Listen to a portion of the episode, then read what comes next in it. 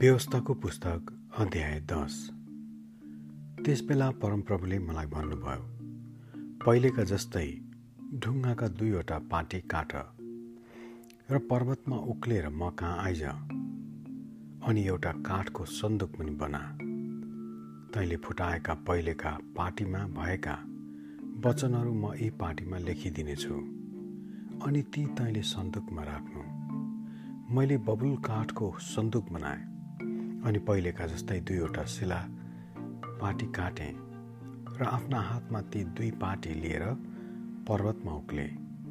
अनि परमप्रभुले सभाको दिनमा पर्वतमा अग्निको बीचबाट तिमीहरूलाई दिनुभएका दस आज्ञा पहिले झैँ ती पार्टीमा लेखेर परमप्रभुले मलाई दिनुभयो। त्यसपछि म पर्वतबाट ओर्लेर आएँ र परमप्रभुले मलाई आज्ञा गर्नुभए चाहिँ मैले बनाएको यस सन्दुकमा ती पार्टीहरू राखेँ र ती अहिले त्यसमा छन्। इजरायलीहरू एकानीहरूका इनारहरूबाट हिँडेर मोसेरामा आए। त्यहाँ हारुन मरे र गाडिए। अनि तिनका छोरा एलाजारकुले तिनको स्थानमा पुजारीको काम गर्न लागे।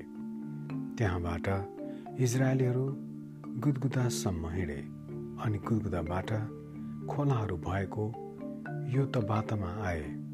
आजसम्म चलिआए झैँ परमप्रभुका करारको सन्दुक बोक्न परमप्रभुको सामु खडा भएर उहाँको सेवा गर्न र उहाँको नाउँमा आशिष दिन त्यसबेला परमप्रभुले लेबीको कुललाई अलग गर्नुभयो। यसै कारण लेबीहरूलाई आफ्नो दाजुभाइहरूसँग कुनै हिस्सा कि अधिकार छैन।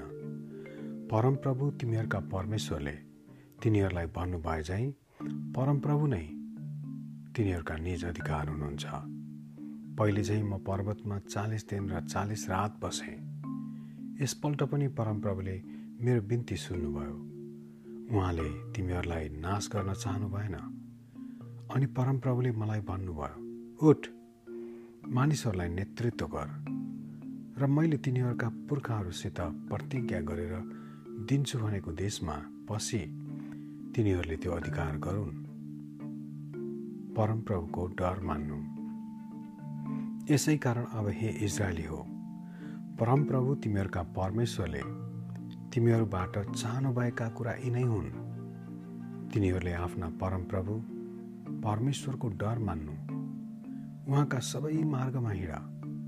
उहाँलाई प्रेम गर अनि सारा हृदय र सारा प्राणले परमप्रभु तिमीहरूका परमेश्वरको सेवा गर। र तिमीहरूका हितको लागि मैले आज तिमीहरूलाई आदेश गरेका परमप्रभुका आज्ञा र विधिहरू मान।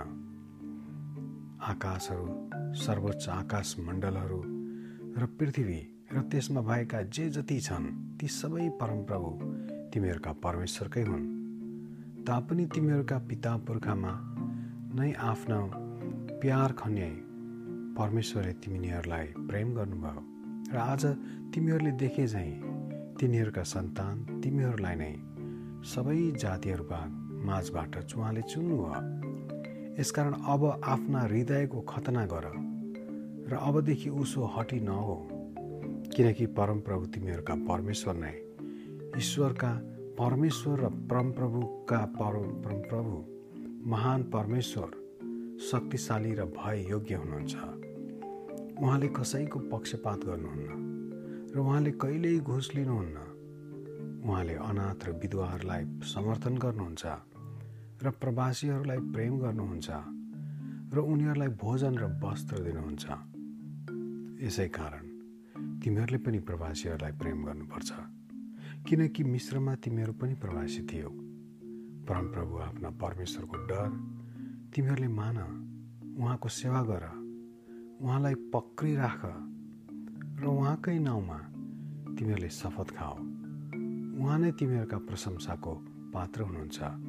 उहाँ नै तिमीहरूका परमेश्वर हुनुहुन्छ जसले तिमीहरूका निम्ति तिमीहरूका आफ्नै आँखाले देखेका ती महान र आश्चर्यपूर्ण कार्य गर्नुभयो।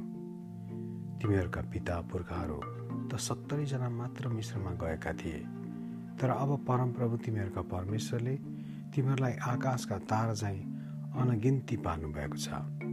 आमेन।